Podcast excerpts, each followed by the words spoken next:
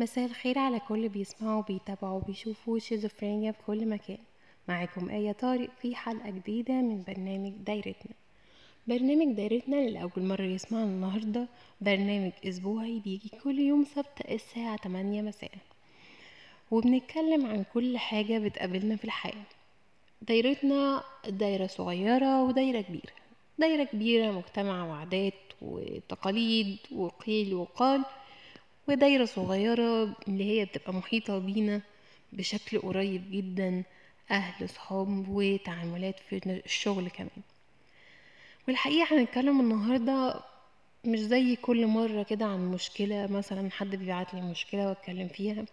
النهاردة هتكلم عن حاجة حصلت فعلا أثرت فينا كلنا وأثرت بشكل كبير قوي خصوصا الفترة الأخرانية وبقت تتكرر كتير وهو موضوع الانتحار. الحقيقة الأسبوع اللي فات حصلت على ال social media ضجة كبيرة جدا على بنت اسمها بسنت خالد. بسنت خالد دي بنت عندها 17 سنة طبعا سنها صغير جدا. هي من محافظة الغربية. البنت قررت إن هي تنهي حياتها بإرادتها. بعد انتشار صور متفبركة ليها و الصور دي اتبعتت لأهلها على الموبايل. وطبعا من كتر الضغط النفسي وإن محدش صدقها واللي حاصرها رفضت إن هي تعمل أي حاجة مع المبتذل اللي هو بعت الصور دي. فقررت إن هي تنتحر. ليه قررت إنها تنتحر؟ لأن ببساطة شديدة جدا ما لقيتش حد يصدقها. واحدة فقدت الأمل ووصلت لاكتئاب لدرجة إن هي بدل ما تطلب العون من ربنا أو تطلب مساعدة من حد من أهلها حد تكون واثقة فيه وفعلا يكون قد الثقة ويحتويها ويحتوي الموقف اللي حاصل ده حتى إن هو فعلا صعب جدا ما نقدرش ننكر إن هو صعب. محدش عمل كده. لدرجة إن البنت نفسها كتبت رسالة لمامتها وكانت بتقول فيها يعني يا ريت تفهميني أنا مش البنت دي. إن الصور دي متفبركة والله العظيم والله العظيم وقسما بالله دي ما أنا. أنا يا ماما بنت صغيرة ما تستاهلش اللي بيحصل لها ده. أنا جالي اكتئاب بجد. أنا يا ماما مش قادرة أنا بتخنق تعبت بجد. ال message بتتكلم ال message كلها مشاعر. ال message بتقول ده حد مخنوق جدا إن محدش صدق فيه. إزاي أنا أهلي ما يصدقوش إن أنا عمري ما أعمل كده؟ هما اللي مربيني هما اللي وقفوا جنبي هما اللي رعوني لحد ما كبرت وبقى عندي 17 سنة. إزاي مصدقين إن أنا ممكن تكون دي صوري؟ البنت وصلت لمرحلة إن هي خلاص بقى بدل أنتوا مش مصدقين ومش شايفين ومش حاسين بيا خلاص أنا أنا بقى مش هقدر أستحمل الضغط ده. ولا هقدر أستحمل الاكتئاب ده ولا هقدر أستحمل كل المشكلة دي أصلا بالابتزاز بالضغط اللي من نفسي اللي مش طبيعي إن واحدة تواجهه في السن صغير زي ده. فقررت ببساطة إنها تنهي حياتها. ومشكلة الانتحار دي للأسف بقت بشكل كبير بتحصل. الناس بقت مضغوطة جدا. ومعظم الناس اللي بتعمل كده لأنها ما بتلاقيش حد يحتويها ما بتلاقيش حد يراعي المشا... المشاعر اللي هي حاسة بيها في الوقت ده. في ناس ممكن تتفه في ناس ممكن ما تصدقش في ناس تدخل مسابقة أنا اللي أكتر منك ومش عارف إيه. محدش بيقدر الاكتئاب أو الزعل أو المشاعر الضيقه اللي تبقى جواك دي إن هي فعلا بلد إن هي من حقك تحس بيها. طلعها أنا معاك أنا بسمعك أنا أنا مصدق فيك أنا مش شايف إن ممكن أي حد يعمل كده يخلي حد يوصله إن هو الانتحار. لو حد مع وجود في حياته بيديله السبورت ده أو الدعم ده عمره ما هيضطر إن هو ينهي حياته.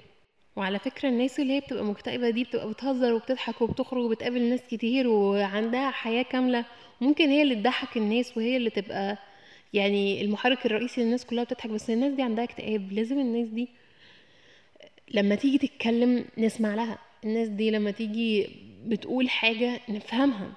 موقف بسنت فعلا كان صعب جدا لأنه الناس اتصدمت أهلها اتصدموا فيها إن هي إيه ده الصور دي بس برضو كان محتاجين يفكروا شوية طب ماذا لو البنت فعلا ما كانتش دي صورها؟ لو البنت هي أخلاقها أنا عارفاها كويس وأنا مربية بنتي كويس فين فين الداعم؟ فين ال... فين الأب والأم اللي يحتوي البنت؟ حتى لو كانت هي اللي غلطانة أو حتى لو هي اللي كانت عاملة الصور دي. مش بقول الموضوع سهل بس الموضوع محتاج إن إحنا نفكر شوية إحنا بقينا بنهتم بالماديات وبنهتم بشكلنا وبنهتم بكل حاجة بعيدة عن النفسية بعيدا عن الأخلاق بعيدا عن إن إزاي أطلع بني آدم سوي للمجتمع.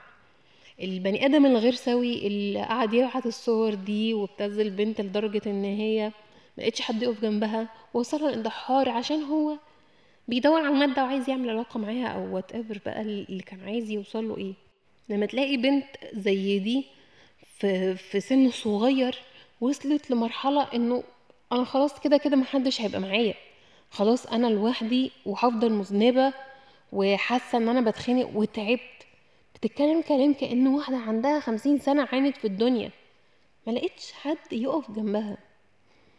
لازم ناخد بالنا جدا يا جماعة لازم ناخد بالنا من من بناتنا في الفترة دي. الفترة دي كلها بقى social media وتعب قلب وأعصاب. في البنات اللي عايزة توصل لمثل أعلى المثل أعلى ده, دي بنت مثلا بتعمل فيديوهات على التيك توك فيديوهاتها هابطة ملهاش أي لازمة. وفي اللي بيبقى بيبتذل كده في التيك توك اللي هو يعني أي حاجة بتجيب فلوس وخلاص فعادي لو عملنا أي حاجة رخيصة ملهاش معنى وحاجة ملهاش فعلا قيمة فعلا. مش اللي هو حاجة فورفان وبنهزر وفي حدود الهزار وال... وال... والاحترام. في حاجات كتير جدا يعني مش طبيعية إن هي تعدي عادي يعني المفروض يبقى فيها رقابة. طبعا أنا مش بقول إن أهلها وحشين بس بقول إن أهلها غلطانين. كانوا المفروض يبقوا معاها أكتر من كده. وفي الآخر وفي الأول ده قدرها ونصيبها. بس يعني ناخد بالنا شوية أكتر من الناس اللي حوالينا لما يجوا يتكلموا معانا لما يحصل أي مشكلة الاكتئاب ده فعلا من أكتر الحاجات اللي تريكي جدا محدش بيقدر يعرف هو حصل ولا ما حصلش. تلاقي حد بيضحك معاك عادي بس هو من جواه موجوع ومجروح ومكسور. في نهاية الحلقة أتمنى لكل الناس إن هي تكون عندها صحة نفسية سليمة. ما يعانوش كتير في الدنيا ويعانوا بطريقة يقدروا يتداووا منها وما يوصلوش لمراحل زي مرحلة بسنت دي. وربنا يرحم بسنت ويرحم كل يعني وصلوا لمرحلة زي دي إن هم يختاروا إن هم ينهوا حياتهم. بعتذر الحلقة حزينة جدا بس كان فعلا موضوع لازم نتكلم فيه مع بعض. وأتمنى الحلقة تكون عجبتكم كان معاكم آية طارق في دايرتنا. أشوفكم السبت الجاي على خير. باي باي.